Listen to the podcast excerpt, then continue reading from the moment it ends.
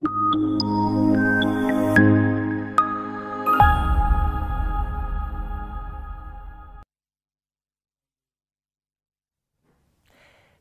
TV'de yine uyumayan ekonomiden herkese merhaba. Biliyorsunuz her pazartesi ve her çarşamba canlı yayında karşınızdayım. Her çarşamba stüdyoda konuğum oluyor. Bugünkü konuğum bizi evden bağlanıyor olacak. Bu sefer e, yayınımız böyle akışta. Dilerim çok temiz bir akış oluruz. Biz epey uğraştık yayın öncesi. Teknik bir aksaklık olursa şimdiden izleyicileri uyarmak istedim. E, hemen konuğumu daha fazla bekletmeden yayına davet ediyorum dedim ve evet Şant Manukyan bugün bizimle beraber. Şant hoş geldin. Çok teşekkür ederim. Merhabalar. E, bugün tabii bu hafta özellikle çarşamba, e, pazartesi günü itibariyle Bitcoin'de çok ciddi bir e, rahatlatan bir ivme gördük.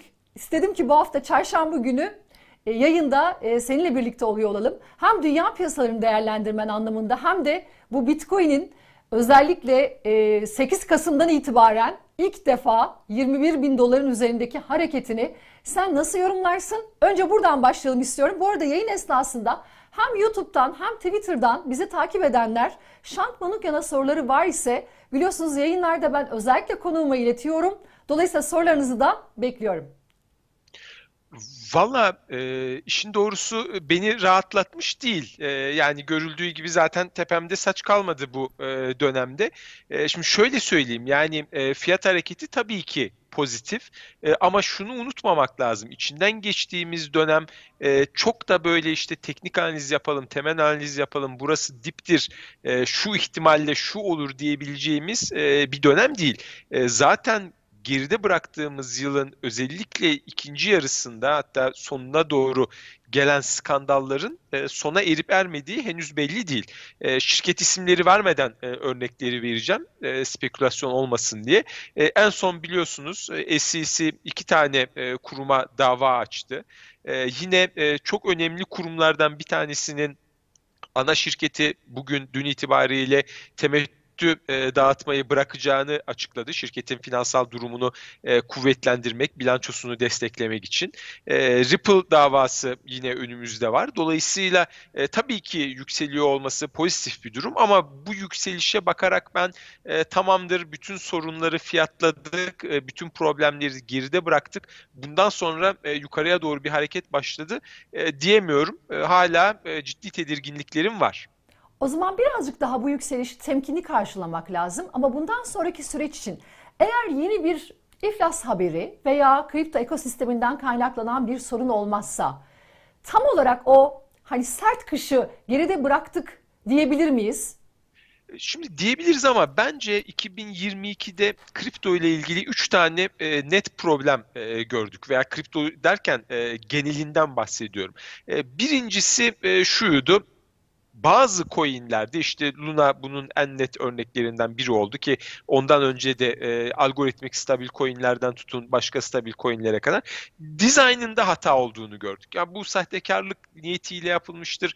E, algoritma e, iyi çalışmamıştır. Onlara hiç girmiyorum. Dolayısıyla bir e, bu tip sorunları yine önümüzdeki dönemde göreceğiz. İkincisi DeFi tarafında problemler olduğunu gördük. Neredeyse haftada bir, iki haftada bir e, hack haberleri geldi. Dolayısıyla orada da hala e, ciddi e, problemler var. Ama üçüncüsü e, elbette ki e, merkezi şirketlerde ciddi problemler çıktığını gördük. Bunu eğer geride bıraktıksa e, biraz daha bir rahatlama olacaktır. Ama kenarda duran paranın çok hızlı bir şekilde tamam bundan sonra hiç çürük yumurta e, kalmadı, çürük elma kalmadı. Dolayısıyla biz hemen alıma geçelim e, diyeceğini zannetmiyorum. Hem belli bir kesimin e, güveni burada sarsıldı. Hem Bitcoin açısından bakarsak örneğin enflasyonist bir dönemde portföyde korunma rolünü yerine getiremedi. Hem önümüzde regülasyonlar var. Dolayısıyla e, sadece o e, sahtekarlık kaynaklı veya kanun dışı e, dönemi geride bırakmış olmamız yeni bir rally tetiklemez. Ama tabii ki bu dönem geride kaldıysa ayakta kalanlar daha iyi şirketlerse, daha sağlam şirketlerse en azından bir tabanı e, oluşturuyoruz diyebiliriz. Çünkü özellikle o kriptonun 16 bin dolarlara geldiği zaman bir tekrar piyasada olumsuz bir fiyatlama olabileceğine dair 9 bin dolarlar, 10 bin dolarlar seviyeleri de konuşuluyordu. Hatta kripto paralar en çok yine gelen sorulardan da kripto paralar sıfırlanacak mı? noktasıydı. Onun için hani bu yükselişi e, bir noktada soluklanma ama bundan sonra tabii yakın bir takip de gerektiriyor. Şimdi buradan hemen e, global piyasalar çok da uzmanlık alanın olduğu ve çok da iyi takip ettiğin için hemen 1 Şubat'ta Fed'in bir toplantısı var. Biraz oralara ışık tutmak e, tutmanı istesem. E, Fed toplantısı ve sonraki süreçte e, özellikle 2023 anlamında da nasıl bir yorum yaparsın kriptolar açısından?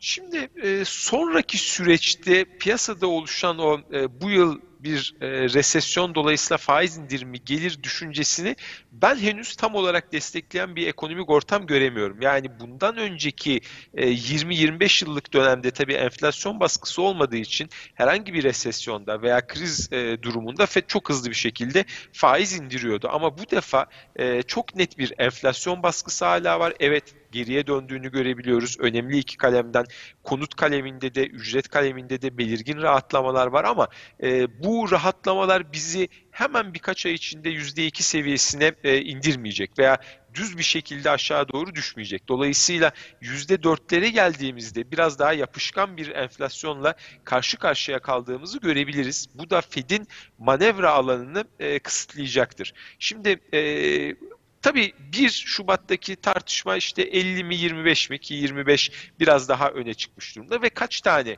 e, 25'lik artış gelebilir üzerinde olacak. Bunu ben çok fazla önemsemiyorum. Yani ben 25-25 iki artış gelme ihtimalini şu anda fiyatlıyorum. Belki bir üçüncüsü de gelir ama bunlar piyasayı çok fazla bozmaz. Eğer 5-25'te 5,5'ta duracaksa. Yok FED enflasyondan hala çok ciddi anlamda rahatsızlık duyuyor. Bu altılara doğru gidecekse tabii o zaman varlık fiyatları açısından büyük bir e, sorun olacaktır. Ama kripto kısmına gelirsek orada 2-3 e, tane dinamik var. Şimdi birincisi e, piyasa açısından, piyasadaki portföyler açısından Bitcoin veya Ethereum tam olarak ne işe yarıyor? Çünkü geçen yıl bu portföyleri taşıyanlar e, bu skandallar başlamadan bile e, enflasyona karşı çok da bir koruyucu unsur olmadığını gördü. Dolayısıyla orada hala bir soru işareti var. E, ikincisi regülasyonların gelmesiyle beraber eğer işte bu Ripple davasıyla başlayabilecek olan e, SEC'nin burada çok ciddi anlamda e, menkul kıymet vardır demesi durumunda sadece Bitcoin'in biz menkul kıymet olmadığından eminiz. Geri kalanı Ethereum'la ilgili öyle bir söylem vardı ama orada bile bir soru işareti var. Geri kalan 10 binin üzerindeki artık 20 binlere de e, geliyoruz. Kripto varlığın e, varlığı sorgulanıyor olacak. Yani işte az önce sıfıra mı gidiyor diyenler oldu dediniz. E, Bitcoin'de, Ethereum'da vesaire öyle bir şey elbette olmayacaktır ama pek çok coin eğer SEC, eğer yasalar bunlar menkul kıymettir derse evet sıfıra gidecek. Yani pek çoğu e, gitmek durumunda kalacak. Dolayısıyla e, o risk henüz geçmedi. Ama e, normal piyasa koşullarında yani bu krizler yaşanmadan önce şunu görüyorduk. E, Bitcoin veya kripto varlıklar Nasdaq'la koreli hareket eden, dönem dönem altınla koreli hareket eden bir varlık sınıfı olarak gözüküyordu. O yüzden her şeyi geride bıraktık, normale döndük dersek ki dönmedik, o zaman Nasdaq ve altın tarafıyla beraber hareketine devam edecektir. Şimdi e, sen olunca tabii sorularda altınla da ilgili soru var. Onu yöneltiyor olacağım e, muhakkak. Ama biraz şu bu haftanın gündeminde Davos zirvesi de var. E, oradan da ortak çıkan e, kriptolara karşı bir regülasyon gelebileceğine dair açıklamalar var. Keza zaten e, bu FTX'ten sonraki süreçte e, farklı merkez bankalarından da bu yönde kriptolara karşı regülasyon gelebileceğine dair açıklamalar vardı. Burayı nasıl değerlendiriyorsun? Yani kriptolara karşı olan bir regülasyon beklentisi bu yine sorularda da çok geliyor çünkü. İşte bir regülasyon gelmesi bu sektörü baltalar mı? Bundan sonraki süreç açısından e, etkisinin nasıl olmasını beklersin? Şimdi o tabii regülasyon çok geniş bir kavram. Yani içeriğini e, bilmeden kötü olur, iyi olur diyemeyiz. Kabaca baktığımızda e, önemli bir kesim regülasyonların gelmesiyle beraber bence güvenini geri kazanacak. Kurumsal e, fonlar açısından baktığımızda daha rahat bir şekilde e, karşı taraf riskini alarak buraya girebilecekler. Ben o açıdan çok kötü e, bulmuyorum. Ama örneğin e, DeFi tarafına baktığımızda orada e, çok sert bazı kurallar getirilmesi durumunda e, çok önemli bir e, varlık nedeni ortadan kalkabilir. Dolayısıyla e, mutlaka kötüdür veya iyidir e, demek zor. E, kamu otoriteleri bunu yaşatmak, büyütmek mi istiyor yoksa çok dar bir kalıbın içinde çok kısıtlı sayıda insanın e, işlem yaptığı bir hale mi getirmek istiyor? O önemli olacak bence. Ama ben şu anda dediğim gibi çok olumsuz bakmıyorum. Çünkü geçen yıl o kadar ciddi anlamda hem e, sıradan yatırımcılar hem profesyonel yatırımcılar hırpalandı ki oradaki fonun, oradaki paranın tekrar buraya girmesinin tek yolu regülasyonların daha netleşmesi. E, şöyle bir soru gelmiş. Hemen onu yönelteyim isterim. Regülasyonları konuştuğumuz için de. Regülasyonlar yakın gelecekte yürürlüğe girerse rekabet avantajı sağlamasını beklediğiniz borsalar, projeler var mı diye sormuşlar. Şimdi e, açıkçası insanlar aslında şöyle düşünüyor. Yani e, Amerika'da diyelim Ripple üzerine bir karar çıktı. Bu bir menkul kıymettir dedi ve e, Amerikalı kuruluşlar kendisini buna göre ayarladı. Ama diğer kurumların işte Türkiye'de e, veya diğer bölgelerde, Japonya'da, e, işte Dubai'de vesaire e, bu tip ayarlamalar yapması gerekmez. Dolayısıyla çok sorun olmaz düşüncesi var ama şunu söyleyebiliriz. Yani SEC o kararı aldıktan sonra bu yavaş yavaş bütün dünyada kabul görmeye başlayacaktır. Hiçbir ülke tamamen kendi şartlarına özgü, tamamen diğerlerinden kopuk regülasyonlarla gelmiyor. Yani bizim bugün sermaye piyasalarında sahip olduğumuz regülasyonlar Avrupa ile büyük ölçüde benzerlik gösteren regülasyonlar. Tabii ki kendi dahili koşullarımızın yansıdığı maddeler var ama tamamen böyle farklı havada durmuyor bu regülasyonlar. Dolayısıyla Amerika'da bu tip bir karar çıkarsa bir süre için X, Y, Z e, borsaları biraz daha hacmi kendisine çekebilir. E, veya bazı coinler daha ön plana çıkabilir ama ben bunun kalıcı olacağını düşünmüyorum. Elinde sonunda orada çıkan dalga Türkiye'ye de veya diğer ülkelere de geleceği için genel olarak o problemi eğer problem çıkacaksa e, herkes her tarafta yaşar diye bakıyorum. E, o yüzden DeFi tarafını biraz daha e, önemsiyorum. Yani DeFi'de gelecek olan e, regülasyonlar biraz daha önemli. E, o tarafı fazla sıkıştırırlarsa e, o tabii e, genel olarak kötü bir e, adım karar olur. Ee, yine bir soruda şöyle demiş. Stable coin'ler özelinde regülasyonlardan nasıl beklentileriniz var? Rezerv zorunluluğu dışında nasıl düzenlemeler endüstrinin geleceğini sizce pozitif etkiler demiş. Ee, orası doğrudan e, para piyasası fonu gibi e, fiyatlanacak. Yani e, çok net bir şekilde e, bu bir sermaye piyasası aracına benzer e, bir şekilde fiyatlanacak. Neler taşıyabilecekleri vesaire e, net bir şekilde e, ortaya konacak. E, şimdi şu anda aslında e, baktığımızda örneğin iyi haberler de geliyor. Yani e, işte USDC tarafına baktığımızda Deloitte bir e, denetim şirketi olarak seçilmiş durumda vesaire ama şu anda baktığımızda örneğin Tether'i konuştuğumuz konuştuğumuzda, Tether'deki sorun veya güvensizliği konuştuğumuzda rezervlerinde ne olduğunu artık konuşmuyoruz. Evet geçen senenin başında bunu konuşuyorduk. Acaba Çin menkulleri mi var? İşte e, tam olarak ne tutuyor vesaire bunu konuşuyorduk. Ama son açıklanan e, şeylere baktığımızda rezerv durumuna bu yokmuş gibi gözüküyor büyük ölçüde.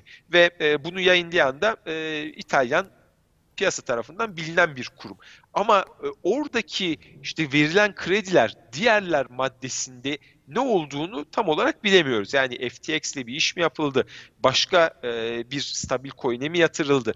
Dolayısıyla oraları çok daha şeffaf hale gelecek. Çok daha net bir şekilde e, böyle anlık durumu gösteren değil, şirketin de nasıl yönetildiğini gösteren denetim raporları ortaya çıkmaya başlayacak.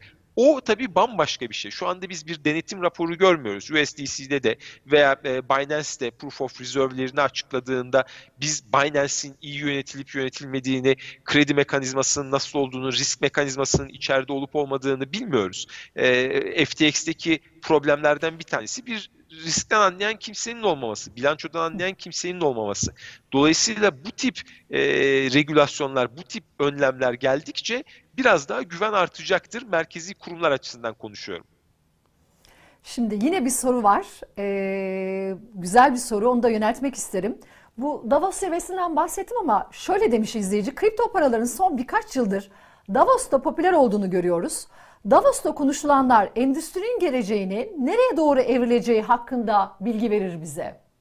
Şimdi aslında e, Davos'tan ziyade G20 toplantılarında çok uzun süredir e, bir defa vergi konusu e, vurgulanıyor.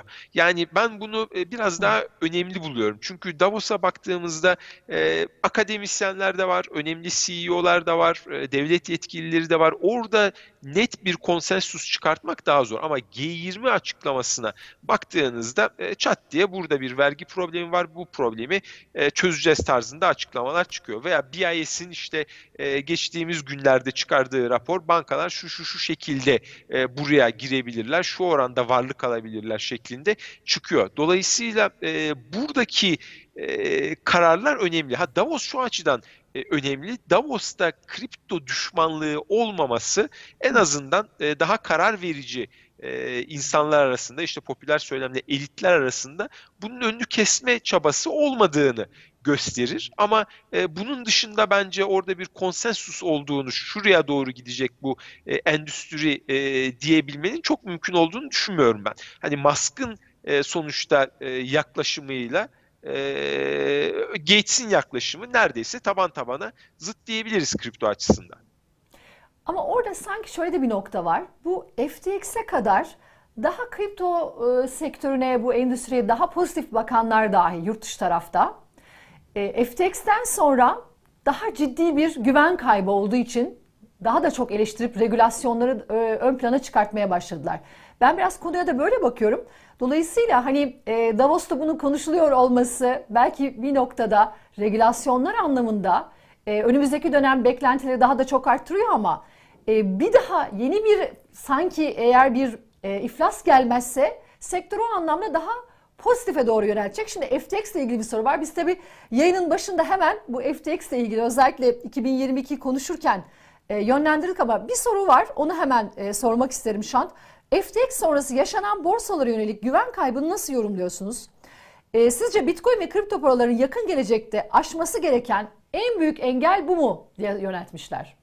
Şimdi e, güven kaybı kısmında e, hani biraz iğne çuvaldız e, şeyi var. Çünkü orada e, herhangi bir kurumla denetlenmediğini bildiğiniz yani bugün e, iş yatırıma veya X yatırıma gittiğinizde SPK'nın çok sıkı denetimi olduğunu biliyorsunuz ve sizin önünüze koyulan sözleşmeler de e, bu kurumların kendilerinin kendi avukatlarının e, yarattığı sözleşmeler değil. Üç aşağı beş yukarı birbirine e, aynı tipte sözleşmeler.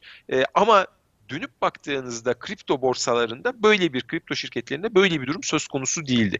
Ve pek çok kripto şirketi şu anda diyor ki yatırımcı bize parasını getirdiğinde riskini biliyordu. Zaten bunu sıfırlayabileceğini, coinlerin kendisine ait olmadığını, bunların hepsinin altında imzası var diyor. Gerçekten de imzanız var. Dolayısıyla e, iğne kısmı e, oradan gelmesi lazım. Tabii çuvaldız tarafında e, kamu otoriteleri e, burayı denetlemekte çok geç kaldığı gibi kriptonun e, bilinen şahsiyetleri de hiçbir zaman buradaki problemlerden vesaire bahsetmedi. Devamlı olarak işte çok iyi gidiyor, şöyle patlayacak, böyle patlayacak. Kimse sorgulamadı. Nasıl oluyor da stabil bir coin'de %19 e, şey var, e, getiri var veya e, GUSD'de nasıl %8 bir getiri var ve risk yok. Yani onu tekrar vurgulamak istiyorum. Getiri olabilir tabii ama bunun karşılığında riskin de yüksek olduğunu bir şekilde vurgulanması gerekirdi.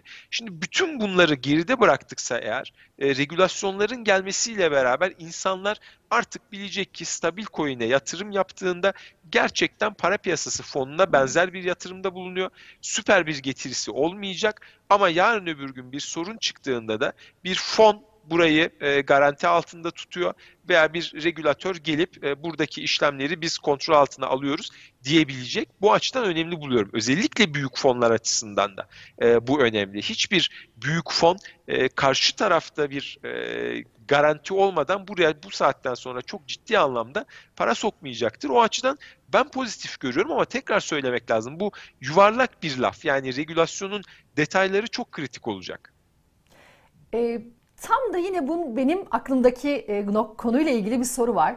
Kripto yatırımcıları bundan sonraki süreçte bu FTX davasını yakından izlemeli mi sektörün geleceği anlamında? Ve sen 2023 için kripto yatırımcılarına bir uyarıda bulunmak istesen hangi başlıkları daha yakından izlemeliler? Şimdi e, elbette izlemeli çünkü orada e, doğru olup olmadığını tabii bilmiyoruz. Çok ciddi spekülasyonlar var. Yani e, SBF'nin tutuklanmama, geç tutuklanma e, nedenlerinin başında e, sektörle ilgili e, bilgileri vereceği e, beklentisi veya anlaşmasının olduğu söyleniyor. Dolayısıyla e, eğer hala çürük elmalar, yumurtalar varsa ve bu bilgi e, kamu otoritesine aktarılıyorsa yarın öbür gün e, bu konuda yeni haberler gelmeye başlayacak. E, o açıdan önemli olduğunu düşünüyorum. E, şunu da unutmamak lazım. Şimdi kripto yatırımcısı dediğimizde şu sorunun cevabını da almak lazım neden kriptoya yatırım yapılıyor? Yani e, Bitcoin'de, Ethereum'da, Xcoin'de ne olduğunu e, düşünüyorsunuz diğerlerinde olmayan. Çünkü önemli bir kesim momentum yukarı olduğu için e, buraya yatırım yapıyor. Yani Trevor Coin'e yatırım yaptığınızda çok büyük bir ihtimalle o iş modeli işte Amazon'un iş modelinin yerine geçecek e, milyarder olacağım diye düşünmüyorsunuz. 0.5 tane sıfırdan sonra birden ikiye gidecekti gibi beklentiler var.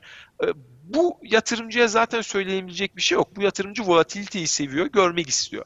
Ama onun dışındaki daha sağlam iş projesi olan yatırımcılar açısından ben bütün bu krizlerde aslında çok büyük bir problem görmüyorum. Yani bütün bu krizler boyunca aa işte Bitcoin burada takıldı, işte Ethereum'da söyle bir e, problem oldu vesaire diyebileceğimiz bir şey çıkmadı. Aslında Bitcoin'in de Ethereum'un da kendisi itibariyle sağlam durabildiğini gördük. Ben bunu pozitif görüyorum ama kısa vadede e, Ripple davasının gidişatı bence önemli olacak. Yani o menkul kıymettir, değildir e, kavgası e, önemli bir kavga. Hem kurumların vereceği hizmetler açısından e, hem bu tip coin çıkartanların geleceği açısından orası çok kritik olacak. Ee, şimdi dediğim gibi şant konuğumuz olunca tabii iç gündeme birazcık döneceğim. Sonra tekrar yine gelen sorularla devam ediyor olacağız. E, bugün yine Sayın Tayyip Erdoğan'ın bir açıklaması vardı. Tabii bizim içeride gündemimiz apayrı. Malum seçim takvimi ne zaman gelir e, noktasında. Dolayısıyla bu 73 yıl sonra aynı gün söylemi olunca herkes bir 14 Mayıs e, 2023'te bu iş olacak noktasına geldi. Biraz hem iç gündemi dolayısıyla da e, buna paralel özellikle altın yatırımcılar açısından Önümüzdeki dönem 2023 için e, kendi beklentilerini de paylaşmam mümkün mü? Tekrar kripto ile ilgili soruya dönüyor olacağım. Gördüm soruları. Çünkü Twitter'dan bizim inanılmaz e, bu arada hakikaten çok e, doğru sorular geliyor. Onun için Twitter izleyicisini bir ayrı yayınları takip eden çok teşekkür ediyorum. Aynı ilgiyi ve e, soruları YouTube'daki izleyicilerden de bekliyorum. Çok güzel bir izlenme de var şu an Twitter'da.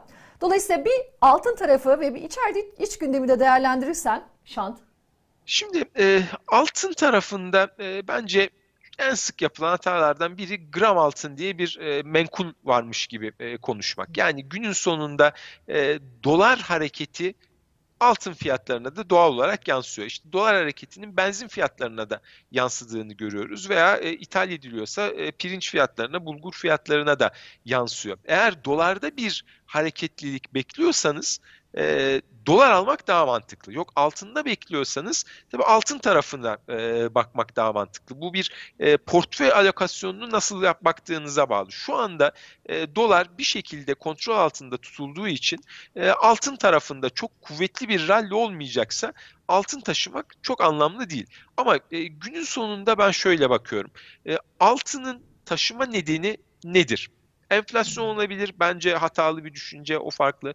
Jeopolitik gelişmeler e, olabilir. E, alternatif getirisi olabilir. Şu anda baktığımda Fed'in faiz artışlarının sonuna geldiğini düşündüğüm için altında artık reel faizin yarattığı baskı ki eksi birden artı bir buçuklara giden bir reel faiz konuşuyoruz Amerika'da sona erdi diye düşünüyorum.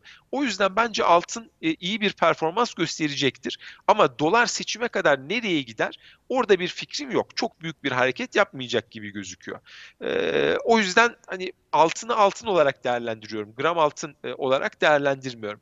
Ama e, ikinci bir konu daha var. O beni rahatsız eden e, bir konu. O da Çin'in altın alıyor olması. E, henüz bunu çok iddialı bir şekilde söyleyemiyorum ama geçtiğimiz yıllarda hatırlarsan e, Rusya Amerika ile takışmasından dolayı yani bu savaş öncesi dönemde e, Amerikan tahvil stoklarını neredeyse sıfır seviyesine çekmişti.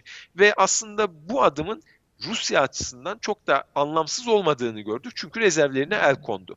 Eğer şimdi Çin'de de belirgin bir rahatsızlık var ve yavaş yavaş bunu hızlı bir şekilde yapamaz. Çünkü e, teknik olarak baktığınızda karmaşık bir e, bilanço e, konusu var orada. Ama yavaş yavaş Amerikan tahvillerinden çıkıp altına gidiyorsa e, bu altın fiyatlarını yukarı götürecektir. Ama aynı zamanda jeopolitik riski de savaş ihtimalini de arttıran bir adım olarak görmek lazım. O yüzden o biraz beni tedirgin ediyor.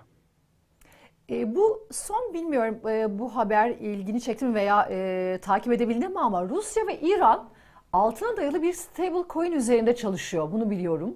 Özellikle bu Rusya-Ukrayna meselesinde de e, kriptolar bu konuda birazcık daha e, sanki şeyi sırtlanan tarafta oldu Rusya açısından bu özellikle Avrupa'nın getirdiği yasaklardan dolayı. E, buranın altına bir etkisi olur mu? Böyle bir soru var. Altına destekli stable coin e, çalışmasının. E, yorumun ne olurdu Şant?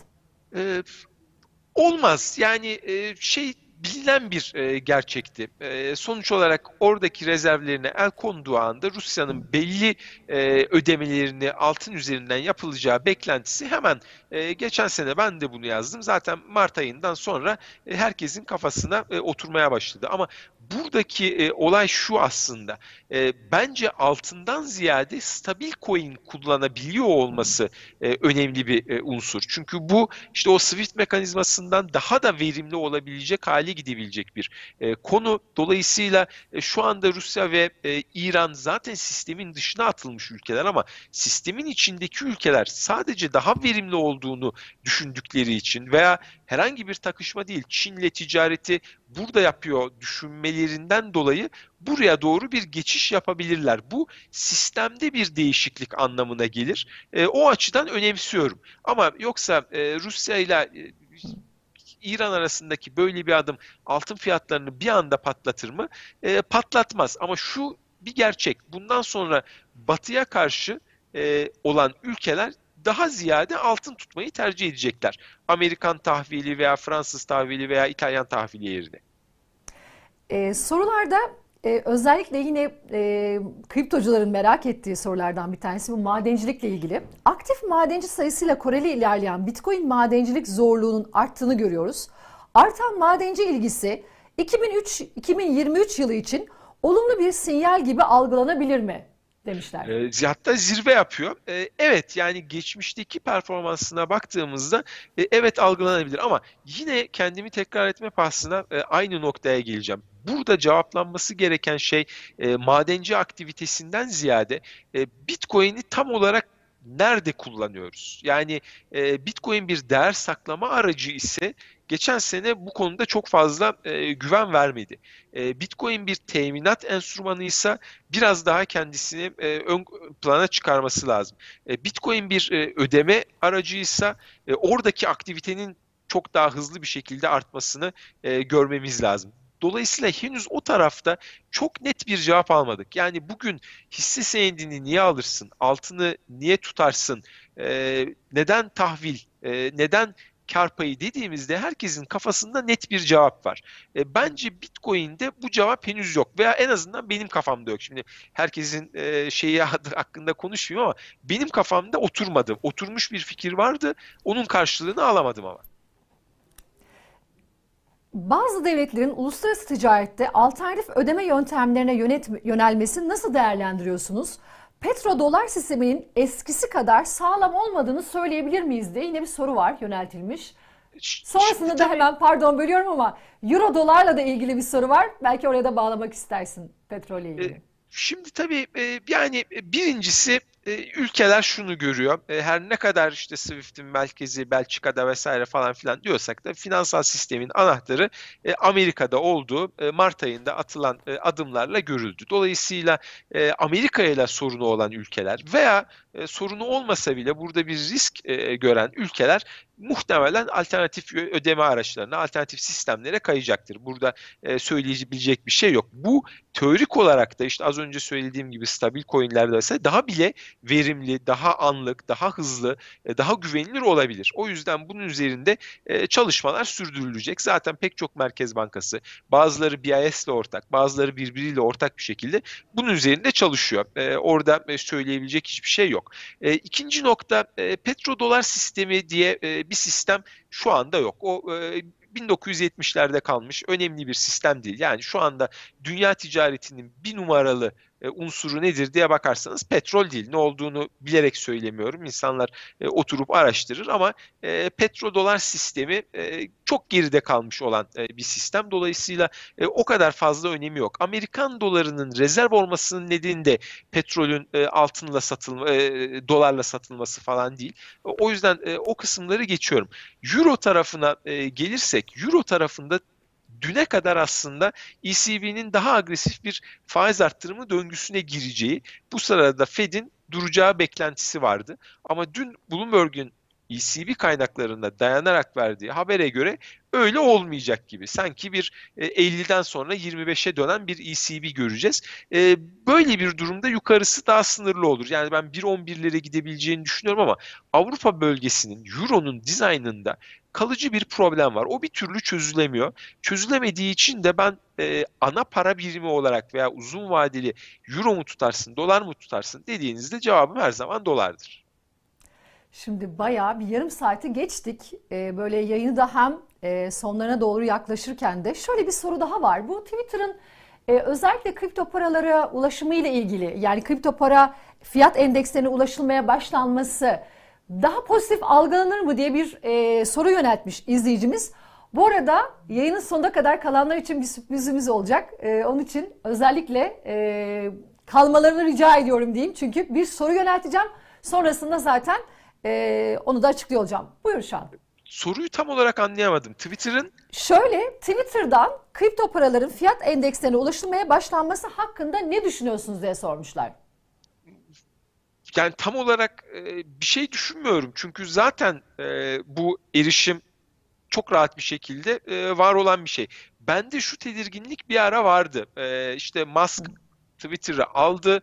Ya burada bir problem çıkacak. İşte e, kimse çalışmıyor artık. Bir anda Twitter çökebilir vesaire. Bu e, Twitter'ın kendisi ekosistem açısından önemli. Orada e, yorumlar, oradaki haberleşmeler vesaire. Ama e, Twitter üzerinden e, buraya ulaşımın, endekslere ulaşımın vesaire rahatlamasının çok etkili olacağını ben zannetmiyorum ama oturup da hani e, detayları nedir diye bakmadım. O yüzden çok biliyorum demeyeyim. Evet, şimdi e, artık dediğim gibi yayın sonlarına doğru gelirken başka soru da yoksa birazcık kitabından bahsetmek istiyorum Şant. Ben henüz kitaba erişemedim ama en kısa zamanda almayı da istiyorum. Global piyasaların dünü, bugünü ve yarını e, kitabının ismi. Biraz kitabınla ilgili bilgi verir misin? Seni yakından takip edenler açısından da, e, bu yayını izleyenler açısından da ben böyle biraz kitapla da ilgili konuşmak istiyorum. E, tabii yani e, e, piyasacı yani gözlüğüyle global piyasalar mı? Tabii. Şöyle diyeyim, e, kısmen öyle evet. Yani hem e, bir yandan işte çok popüler olan ama aslında yanlış olan bazı kavramları e, düzeltmeye çalışıyorum. Çünkü e, bence Twitter gibi sosyal medyanın getirdiği tembelliklerden bir tanesi orada yazılı olan bir şeyin e, hemen kabul edilebiliyor olması. İşte geçenlerde e, birkaç kişi paylaştı benimle. E, örneğin BIS'in raporunda göre 3.6 trilyon dolar gelebilir. E, yanlış yani BIS detaylara baktığınızda hesaplama yanlış yapılıyor. Ama e, çok sayıda bu tip hatalar e, var. Dolayısıyla kısmen onlara bundan önceki krizlerde nerelerde hata yapılmış, bu krizlere yönelik görüşler nelerdir? Çünkü e, konuştuğumuz pek çok şeyde farklı farklı e, görüşler var. Yani e, örneğin kitabı ben e, çok değer verdiğim e, birkaç hocaya, e, birkaç e, önemli kişiye okuttuğumda bak şurada ben şöyle düşünüyorum e, dediler ama çok ciddi bir literatürde hayır öyle değildir e, diyor. Dolayısıyla ben ikisini de koymaya çalıştım. Yani okuyan biraz daha kendisi karar versin. Benim eğilimim şu ama şu şu şu düşünceler de var kısmını dahil ettim. E, ve biraz da e, tabii bu kriptoların e, gelmesi muhakkak ki bu e, dünyayı değiştirecek. Yani nasıl ki bir zamanlar e, deniz e, kabukları para oluyordu veya işte e, bir dönem e, sigara para haline gelebilir ortam onu gerektirdiği için. E, dünya finansal sistemi, para sistemi de değişiyor. E, bundan bin yıl önce altının e, rezerv olması bundan sonraki sisteminde altın bazlı olacağı anlamına gelmez. O da geride kaldı. Kağıt para da geride kalacak. İşte Merkez Bankası dijital parası bizi nereye götürebilir? Sorunları nedir? E, kripto nereye gidebilir? Bunları incelemeye çalıştım ama şunu da vurguladım. Ben sonuç itibariyle bir akademisyen e, değilim. E, dolayısıyla bu daha ziyade evet piyasa gözüyle, piyasa tecrübesiyle yazılmış olan bir kitap. E, şöyle, e, bu yayını izleyen izleyicilerden bir tanesine bir e, kitap hediye edelim istiyorum. Senin kitabını. E, dolayısıyla da şöyle bir sorum olacak. Bunu daha sonra YouTube'dan izleyecek olanlar veya Twitter'dan bizi takip edenler elbette cevaplandırabilir. E, BTC Türk'te doğrulanan kripto varlık sayısı kaç oldu diye bir soru yöneltiyorum. Bu soruya doğru cevap veren izleyicilerden bir tanesine de Şant Manukya'nın kitabını bizler gönderiyor olacağız. Dolayısıyla e, zaman zaman yayınlarda ben de özellikle bu FTX'ten sonra kripto para platformlarında hangi borsaların hangi e, bu alım satımı aracılık eden kurumların hangi noktada daha e, doğru tercihinizi etkilediğini ifade etmiştim. Dolayısıyla BTC Türk'te bu konuda birazcık daha önderlik ediyor aslında Türkiye'de. E, hem şeffaflık anlamında da ben bunu yayınlarımızdan bir tanesinde söylemiştim. Dolayısıyla sorumuz BTC Türk'te doğrulanan kripto varlık sayısı kaç oldu? Bu, da, bu soruya doğru cevap veren kişiye de Şant'ın kitabını gönderiyor olacağız. Efendim bugünlük bizden bu kadar. Şant çok teşekkür ediyorum. İnşallah teşekkür stüdyoya bekliyorum. Bugün İnşallah. böyle biraz e, stresli bir yayın oldu. Neden? Çünkü yayın içerisindeyken biz bir saattir gerçekten e, bu yayını yapmak için efor sarf ediyoruz. Biraz tekniğin dışında başka e, aksaklıklarımız da oldu. Evet. İnşallah dedik yayın içerisinde kopma olmaz. E, dolayısıyla böyle bugün e, bizi affetsinler. Şant Manukyan bir sonraki yayınımız lütfen stüdyoda olsun. Önce bu yayında İnşallah evet. evet yayında sözünü alayım ki hakikaten e, burada canlı canlı yapıyor olmak çok daha apayrı. Ben biraz tabii onun e, stresini de yaşadım. E, dolayısıyla biraz daha teknik tarafta takip ediyor olmak da zorlayabiliyor bizleri. Dolayısıyla umarım bir sonraki yayınımız karşılıklı olur. Çok teşekkür ediyorum Şant bugün bizimle birlikte olduğun için. Ben teşekkür ederim hem sana e, hem de e, tweetlerle veya mesajlarla e, katılan insanlara, izleyicilere. Çok teşekkürler. Efendim uyumayan ekonomiden bugünlük bizden bu kadar. Bir solukta geçti yayınımız. Bahsettim. Biraz teknik tarafta sorun yaşamamak adına en azından yayınımızın akışı içerisinde bir takılma olmadı. Her pazartesi olduğu gibi yine bu hafta pazartesi günü saat 11'de Satoshi TV'de canlı yayında karşınızda olacağım. Hepinizi beklerim. Görüşmek üzere.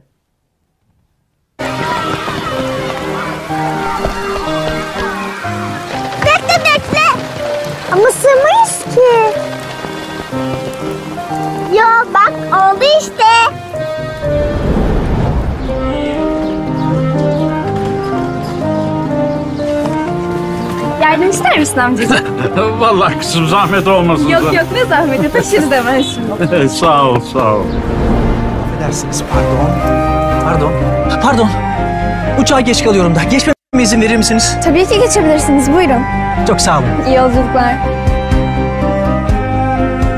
Aslı'nın BTC Türk'te çalışması tesadüf değil. Çünkü yardımcı olmak onun doğasında var. Aslı ve BTC Türk Destek Merkezi 5 milyondan fazla kullanıcısının 7/24 yanında.